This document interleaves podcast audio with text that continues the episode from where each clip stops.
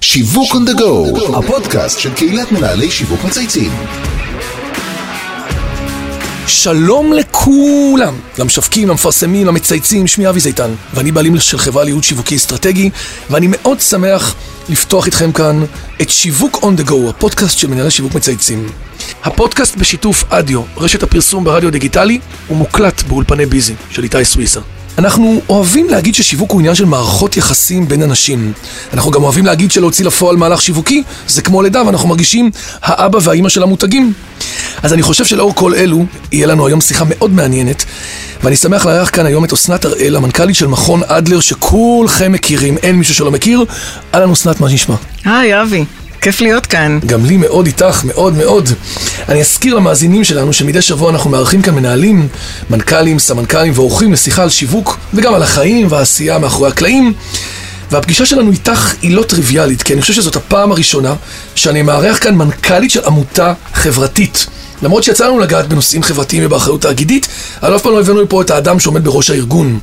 אני חושב שיהיה מעניין למאזינים לגלות במסגרת ההיכרות האישית שלך, שאת הגעת דווקא מהמגזר העסקי, ואנחנו נדבר על זה בהמשך, כי אני קצת מכיר את הרקע. אז בואי תספרי לנו באמת על הדרך המקצועית שעשית, ואת מה שהביא אותך עד הלום עד מנכ"לות של מכון אדלר. נהדר, הזדמנות נפלאה. אני רק רוצה להתייחס למה שאמרת, ששיווק זה בעצם יחסים. נכון. וכמו כל דבר, כל אינטראקציה היא אה, יחסים. ובשיווק, אני רוצה שתאמין לי שיש לי משהו טוב בדיוק עבורך שעונה לצרכים שלך, לרצונות שלך, ליכולות שלך או למשברים שלך. ו... כמו במערכות יחסים רגילות, את אומרת. ממש, חשבתי עליך כיצרן או כמשווק, ו- והנה מצאתי- אני... נכון, מצאתי משהו שבדיוק מתאים לך, יפה, יפה. והנה אני מגישה לך אותו. אז לכן אני- שיווק זה יחסים. לגמרי, אנחנו לא, כאנשי שיווק לא תמיד חושבים ככה, אנחנו אומרים בוא נביא מוצר חזק, מגדירים סגמנטציה, אבל לא חושבים על ריליישנשיפ. נכון, לך וזה יש ממש- בעיה, הבאתי פתרון, שירות או מוצר צריכה, ואיך אני לא בעצם... תמיד זו בעיה, לפעמים נכון, זה ו- צורך, זה רצון, או זה לא משהו ש- מסופק, נכון, לא נכון, יודע שיש חסר לו, זה- זאת- זה התחכום שבשיווק, ללמד אותך שזה מה שאתה צריך. כן, ליצור את הצורך. נכון, כן. נכון, לבנות צורך. אה, אז נכון, מכון אדלר זו עמותה חברתית שמתנהלת בעצם כמו עסק חברתי. החשיבה הניהולית היא עסקית, בעוד שהמטרות הן בתחום החברתי. שזו אמירה מאוד חשובה. זה כי- אימפקט חברתי. נכון, שזה מעניין. חשיבה עסקית עם השפעה ואינפלואנסרית אה, חברתיים על הסביבה. נכון, והיום זה כבר מושג אה, ידוע. יש עסקים חברתיים. נכון. אנחנו המצאנו את זה, לא ידענו שקוראים לנו ככה. אה, בעצם התחלתי את החיים המקצועיים שלי כמנהלת אה, כוח אדם בתדירן, כשעוד כינו את זה כוח אדם לפני כל כך מדהים. הרבה שנים. אחרי זה נעבר למשאבי אנוש, לא? אה, נכון, נכון. אה, אחר כך ניהלתי מתנ"ס מקומי, ניהלתי מרכז נופש, ניהלתי חברת תרגום גדולה. ועזב- וואלה. כן, ועזבתי את חברת התרגום, לא לא אגיד את שמה, כי הרגשתי שאין לי שליטה על איכות החומרים שאנשים מקבלים. גדול. בגלל שזה בשפות זרות, והרגשתי שאם לקוח מקבל, ואפרופו שיווק, אם אני לא לקוח מבינה מקבל בזה. משהו שאין לי בקרה שהוא הכי איכותי שאפשר, אני לא יכולה להזדהות עם זה. אה, גדול. ועזבתי, כן. גדול. אמ, בין לבין יצאנו עם המשפחה פעמיים לארצות הברית, מה ששינה את הנתיבים המקצועיים שלי והאישיים שלי. בעצם שמונה שנים היינו מחוץ למדינה.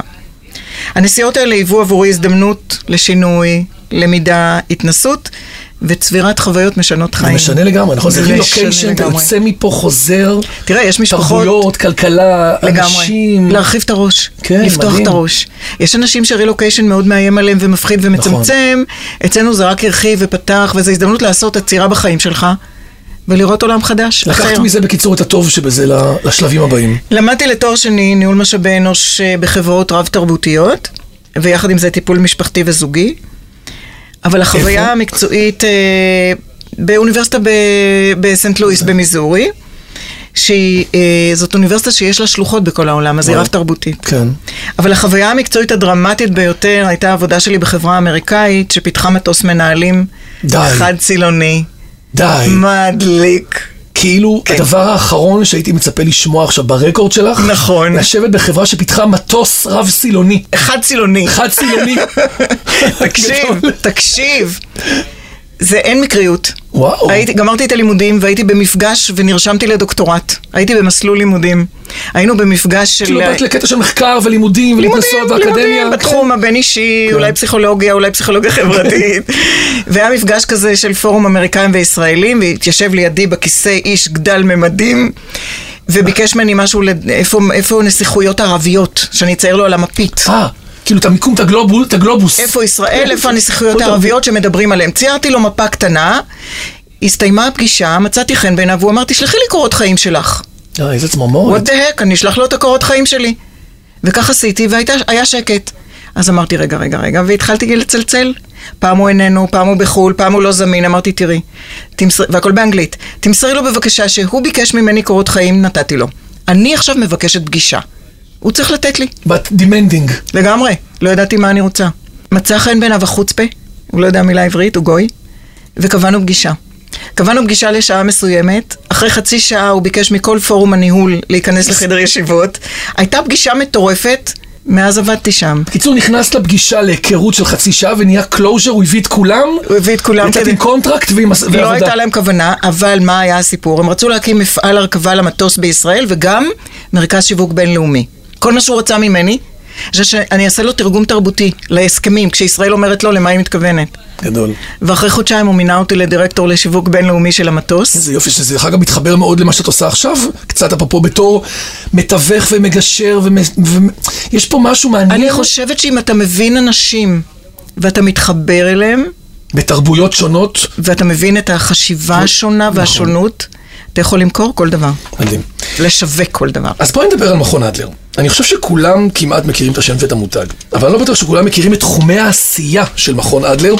רוב הקהלים שאני אשאל מחר ברחוב, יגידו בית ספר להורים, הם מכירים את זה קצת מעולמות תוכן שהם אה, נפגשו איתם. נכון. מה בעצם אתם, אה, הרבה יותר מזה, נכון? מה בעצם אתם? בוא תסבירי רגע שנייה את כל האקוסיסטם הזה. אתה יודע מה אנחנו? מה אתם? אנחנו לשכת גיוס לאנשים שאוהבים ומאמינים באנשים. איזה הגדרה יפה? לשכת גיוס. כן. יפה. המכון אמנם פועל כעמותה ללא כוונות רווח, מנוהל כעסק חברתי שצריך להיות איתן כלכלית. ובעצם אנחנו עוסקים ביחסי אנוש ובכישורי חיים. לחיים תקינים בחברה אנושית, על בסיס עקרונות הומניסטיים שנדרשים לקיום העולם. יפה. אז מה יש לנו כדי לעשות את זה? זאת אומרת, מה עומד לרשותנו בדשבורד, כדי, בכלים? כדי להגיע לממש לזה. את זה. נכון, אז יש לנו ארבעה בתי ספר גדולים וידועים. בית ספר להכשרת מאמנים, קואוצ'ינג, בית ספר לפסיכותרפיה, בית ספר להכשרת אנשי טיפול בהדרכת הורים, אנשי טיפול יפה, זה חשוב. כן, שהם כבר מוכשרים נכון. כאנשי טיפול. ובית ספר הגדול בעולם, אבי, הבית ספר הגדול בעולם להכשרת מנחים ומדריכי הורים, גם בקבוצות וגם באופן פרטני. היחידות הנוספות שלנו הן בעצם להגיע לקהילה באמצעות האנשים שבגרו... באמצעות המידלמן, בעצם אותם אנשים שלמדו את שהכשרתם מה שהם ולימדתם, למדו, כן. בדיוק. אז קודם כל יש לנו קליניקה לטיפול משפחתי, פרטני וזוגי, לרבות ייעוד זוגי. והיה והייעוץ הזוגי כשל, אז אנחנו נותנים לאנשים שירות של גירושים בהסכמה. כי המשפחה לעולם תישאר משפחה גם כשהיא מגורשת. נכון. איך לעשות את זה תוך שמירה על הילדים ושמירה על תקשורת טובה. ועם פחות כסף ובטח בלאגנים. פחות ו- כסף. פחות עורכי דין. פחות זמן, אין מלחמות, כולם מחויבים שאין מלחמה. שומרים על תקשורת מכבדת ושומרים על הילדים כל הדרך. יפה. ויש לנו את הבית ספר להורים הגדול מסוגו, שמציע הדרכות הורים בקבוצות, באופן פרטני, בפגישות פיזיות ובאמצעות האינטרנט. תקשיבי, מרשים. ויחידת גנים, אה, אנחנו נכון, מכניסים את שמעתי. תפיסת העולם לתוך גני הילדים. אדלר. איך מגדלים ילד עם אחריות אישית, איך מגדלים ילד עם הקשבה לילדים אחרים, איך מלמדים ילדים לפתור קונפליקטים בלי מכות, בלי אלימות. מה וכולי. שנקרא לא להגיע בגיל 30, נתחיל את זה מה... נתחיל את זה ואז מה- לנסות לטפל מגיל צעיר. בזה. נכון. נכון. אז בעצם מכון אדלר פוגש כל אדם, זוג או משפחה, בכל שלבי החיים ובכל הצמתים. בקיצור, כולנו רלוונטיים בכל ה... לכל רגע בחיים יש מכון אדלר, זה מה שאת אומרת. ממש. לאחרונה חגגתם 50 שנה למכון, מוסד שהיה בעצם בית ספר להורים הראשון בישראל. איך התפקיד של מכון אדלר השתנה מבחינתך בשני דורות האלו? וואו.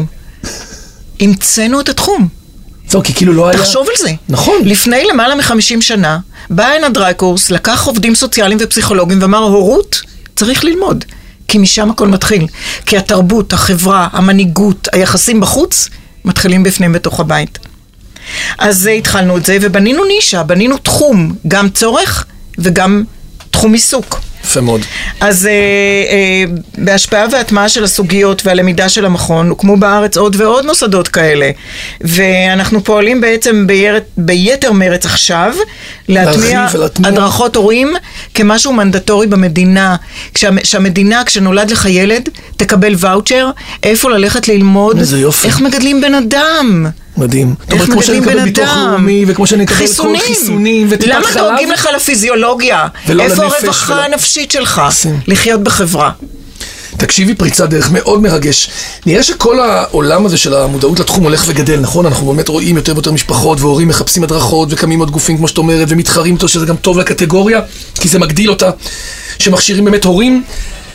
השאלה באמת הגדולה היא, אסנת, על האתגר באמת בתחום הזה, זה סך הכל תחום אה, פרוץ, בלי רגולציה, שכל אחד יכול לקרוא לעצמו מנחה הורים, ואת יודעת, אין באמת איזו, כמו שאנחנו תמיד אומרים, זה- אין הקפדה, אין, אין, אה, אין תקן. אין תקן, אין, אין אין אה, תקן. משהו משהו שאומרים זה כן, זה לא, כללי עשה ואל תעשה. איך מתמודדים עם זה? השאלה שלך נורא חשובה ונורא משמעותית, כי אנחנו מדברים בנפשות של אנשים. נכון, זה עוד משפיעה על הילדים שלי ועליי ועל הגירושין ועל על הגנים, נגעת בכל... אני יכולה תחום. לתת לך איזושהי עצה לגבי הילדים שלך, אתה יכול להתנהל לפי העצה הזאת ולעשות לילדים שלך נזק. אז התחום הזה, לנו האתיקה המקצועית, אנחנו מאוד רגישים לזה. הבנתי. אה, יש אצלנו הדרכה, ייעוץ וטיפול, ואנחנו מאוד מאוד חרדים. אצלנו לומדים, כל מסלול לימודים שלנו הוא הכי ארוך. אז גם הכי הכי ארוך. מקצועי, גם כי את רוצה לייצר יותר פרקטיסינג ויותר ביטחון, וגם להוציא את הבן אדם החוצה, שאת באמת הכי יודעת נכון. בשל. להגיד שהוא בשל ויכול לייצר שינוי. ויש אנשים בתהליכים שאנחנו אומרים להם, אנחנו מצטערים, אתם לא תוכלו לסיים כאן. שמבחינתי אני מרגיש מאוד מוגן כשאת אומרת לי את זה, שלא כל אחד יכול להיכנס למקום לא הזה. כל אחד יכול לקבל תעודה שאנחנו שולחים אותו לטפל ולייעץ לאנשים. הזכרנו קודם שמכון עדר זה עמותה עם מטרות חברתיות, אבל בעצם את מנהלת אותו, כמו שאמרת, עם בסיס מסחרי. איך מאזנים בין מטרות חברתיות לבין פעילות עסקית? הרי בסוף לכאורה יש פה איזשהו סוג של אוקסימורון, זה כאילו נראה לא מתאים, לכאורה. ועדיין אנחנו צריכים לשמור על, רו- על איזון כלכלי. זה מאוד מורכב, אבל זה מאוד תואם את, ה, את האידיאולוגיה שאנחנו מלמדים. ה- אה, אדלר אמר, ואנחנו מלמדים שאתה בורא לעצמך את המציאות בעצם. לא אכלו אלפרד, לי... אלפרד, את אומרת. אלפרד אדלר, כן. אה, לא לקחו לי, שתו לי, אמרו לי, לא טוב לי בחיים, כי מישהו. כולם... אש- מישהו. מישהו. כן, מישהו. אני, אני, אני. אז גם ארגונית, כדי שהארגון יהיה איתן, מה אני עושה ארגונית כדי להחזיק את עצמי. אז כשהאג'נדה החברתית רעיונית שלי כמנכ"לית ברורה ומדויקת, כשהמסע החברתי מלווה על ידי ועד מנהל תומך ומסייע, וכל העובדים, אנשי הצוות, המאמנים, המנחים, המורים והמטפלים, כשכולם מגויסים להשקפת העולם יפה. ומכירים את התפיסה העומדת בבסיס הקיום, קל לנווט ולהנהיג. כן, יש לך פה, יש פה אבל- יונייטד, זה כולם מאוחדים במטרה. לגמרי, לגמרי, מאמינים במטרה. אה, והיום, תראה, היום אנשים מאוד ערים לעניין התקציבי, לעניין זה שצריך איתנות כלכלית, צריך, צריך כסף כדי לחיות, אין מה לעשות. אבל עדיין אנחנו יכולים להחליט שיש משפחה שצריך לעזור לה. אין לה כסף, יש לה כסף, זה לא מעניין אותנו. מכון אדלר רוצה לעזור. ולראיה, יש לנו, אני, דוגמה אחת של פרויקט שאנחנו כן, עושים. אין לנו אחד מעניין. אחד הכי גדול, שהוא יחיד מסוגו בעולם, זה נקרא הורות בשלט רחוק. מכון אדלר, טלוויזיה? אנחנו יושבים בכל בתי הכלא בישראל, בתי הכלא של גברים, של נשים וגם אופק, כלא אופק של בני נוער, 25 שנה. וואו. נכנסות המנחות שלנו לתוך בתי הכלא אחת לשבוע, ומדברות עם האסירים ומלמדות אותם מה זה להיות סובייקטיבי, מה זה אחריות אישית, איך אני בורא לעצמי את המציאות, מה המקום של האישה והילדים בבית איזה מבחינת יופי. בניית היחסים. מספרים לנו בשירות בתי הסוהר שאסיר שעובר מכלא לכלא בודק אם יש אדלר, יאללה. הם זה מקבלים הופך להיות אה, חלק מהתנאי אה, תנאי סף. כן. תנאי סף. הם מקבלים אה, קרדיט ב- בין, אה, בשחרור, אם, אה, ועדות השחרור, אם את עשית אדלר, יאללה. מקבלים נקודות. אה, קיבלנו על זה פרס. אין לא. מגיע כזה לכם. דבר מגיע לכם בעולם. מרגש. ואני גם במקרה מכיר שאדלר עושה עם יס, נכון? יש לכם ערוץ... אה, היה לנו תוכן- שיתוף פעולה עם איתם, יס. ועם בנקים. אני רוצה נכנסים לציין לקהילה. שהייתה לנו הזדמנות לשיתוף פעולה עם אחת מהחברות העסקיות הגדולות בארץ. כאבה לנו הבטן. היה משהו באג'נדה שלא ניגן לנו נכון. וויתרת. יכולנו לקבל הרבה כסף שם, ולקחנו החלטה שלא להיכנס לשותפות הזאת. מדהים. תשמעי, קודם כל אני חושב שבאמת אה, אדלר לא מה שחשבת לחלוטין יוצא פה, אני ממש מרגיש את זה את יודעת, ב- בנימי הדברים שלך. ועכשיו אני רוצה לשחק איתך משחק שאנחנו משחקים עם כל מנהל שמגיע לתוכנית. אם היית מותג מסחרי כלשהו, את אסנת, איזה מותג היית בוחרת להיות ולמה? מעניין אותי עכשיו.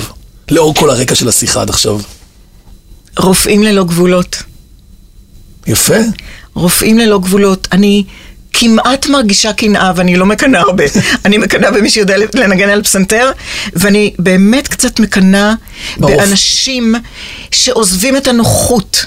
שעוזבים את, ה, את, ה, את, ה, את הטוב הזה והולכים למקומות כל כך קשים, כל כך חשוכי, מה- חשוכי אה, משאבים, ונותנים את עצמם ואת הידע שלהם באין ואת סוף היכולות. שעות, של- בעייפות, ב- ב- בתוך אה, במצבים מטורפים, עשרות שעות ניתוחים. מצבים מטורפים, בתנאים לא תנאים, ועוזרים לאנשים שהם בתחתית החברה האנושית. תקשיבי, זו התשובה וזה נפלא הכי בעיניי. מקסימה שקיבלתי עד עכשיו. רובם מדברים, את יודעת, על לגו, על דיסני, על פה, על אינסטגרם, על ווא- כאלה. והבאת פה עכשיו פרופסיונלית. באת ואמרת, מקצוע רופאים מרגש אותך כמותג. רופאים ללא הרופאים גבולות. כן, שיוצאים ללא גבולות, ללא גבולות. והם- כן, עוזבים את הקליניקה ונוסעים בעולם. כן, כן, עושים את זה all around כל- עם המדינות, עם המשפחות שלהם. ממש. במקומות שהכי זקוקים באמת לעזרה, בכנות ובלב פתוח. הפינה האחרונה שלנו בתוכנית נקראת חבילה הגיעה, בפינה הזאת כל מרואיין מפנה שאלה למרואיין הבא. מעניין אותי לד- אה, באמת, אה, אה, דווקא בגלל שאנחנו מדברים על התחום החברתי, לראות מה תשאלי את המרואיין הבא, שהוא לגמרי מהתחום העסקי. אנחנו נארח כאן את אופיר פרבר, שהוא מנהל השיווק של אקסלנס וקסם, שזה בית השקעות, את יודעת, כספים, ניהול תיקים, קרנות השתלמות, גמל. מה, מה היית שואלת אדם כזה מהמקום הכי קיצוני שאת נמצאת בו? אני רוצה לחבר קיצוניות, כסף ורגשות. לכאורה שני תחומים שונים לגמרי. נכון. ומה זה הם אחד? כמה רגשות מעורבים בכסף? כמה אנחנו פוחדים לדבר על כסף? כמה נשים פוחדות לדבר על כסף? כמה נשים פוחדות לפגוש נכון. כסף? היחסים שלנו עם כסף. היחסים עם כסף הם מאוד מורכבים. ואני רוצה לשאול את אופיר, איך אתה רואה את ההקשרים של מקסום התפוקות הפיננסיות יחד עם חיזוק המשפחה והיחסים בה? יפה. משום שזה קושי זאת לדבר אומרת, בתוך החוסן הכלכלי, הבית. איך הוא תורם בעצם ל- לחוסן... כשמעורבים בזה הרגשות, כשמעורבות בזה אה, כל מיני אמוציות ותחושות, וכן לדבר עם הילדים על כסף ולא, וכן לדבר עם הבן זוג, או לספר, כשהילדים שומעים שאני חוזרת מעבודה ורציתי העלאה ולא היה לי אומץ לדבר על זה, מה הילדים מבינים? כסף זה רע? נכון. אם אני לא יכולה לדבר על זה זה רע? לא, כסף זה טוב. השאלה מה אני עושה עם הכסף. ואיך הוא מגביל או לא מגביל, ומה אז אני כן. לוקח אותו. מאתגרת את אופיר, איך אנחנו שאלה תוקפים מצוינת. את זה ביחד. שאלה מצוינת. אני רוצה להזכיר למאזינים שלא רק אסנת מפנה שאלות, גם אתם יכולים לשאול אותנו שאלות מתי שאתם רוצים בעמוד הפייסבוק או בקבוצה. אז עד כאן שיווק on the go להיום. אני רוצה להגיד תודה גדולה לכל מי שהשתתף והוביל את הפרויקט של הפודקאסט, לאמיר שניידר, לירון פורמן וטל ספיבק, דרור גנות מאדיו, איתי סוויסה מאולפני ביזי, וטל חן שעזר לי בכתיבה. אסנת, היה מרתק. תקשיבי, אני בטוח שכל מי שישמע אותנו יגיד לעצמו, וואלה, אדלר האלה התקדמו? תשמע, זה כבר אימפריה. לכל רגע, בכל מקום, לכל שלב. ככל שהדברים התפתחו ב- באתגרים שלנו האישיים, בחיים שלנו, אתם נתתם מענה לזה, ומאוד התקדמתם והתפתחתם לצרכים החדשים שנוצרו היום ב- בעת הנוכחית. ועדיין עם ותק ומוניטין וניסיון רב שנים. שזה- להעלות חיוך על עוד- לעוד אדם בפנים, איזה יופי, זה הוויז'ן. ממש. אז את כן מתחברת לדיסני בסוף, גם הוא אמר את זה. להעלות חיוך על כל אדם בפנים. תראי, נכון. בבקשה. הנה, יצרנו את בבקשה. החיבור. בבקשה. אז תודה לכולם, תמשיכו לצייץ ולחשוב מחוץ לקופסה. אנחנו מאחלים לכם שבוע מקסים ורעיונות נהדרים. תודה רבה. ביי אסנת.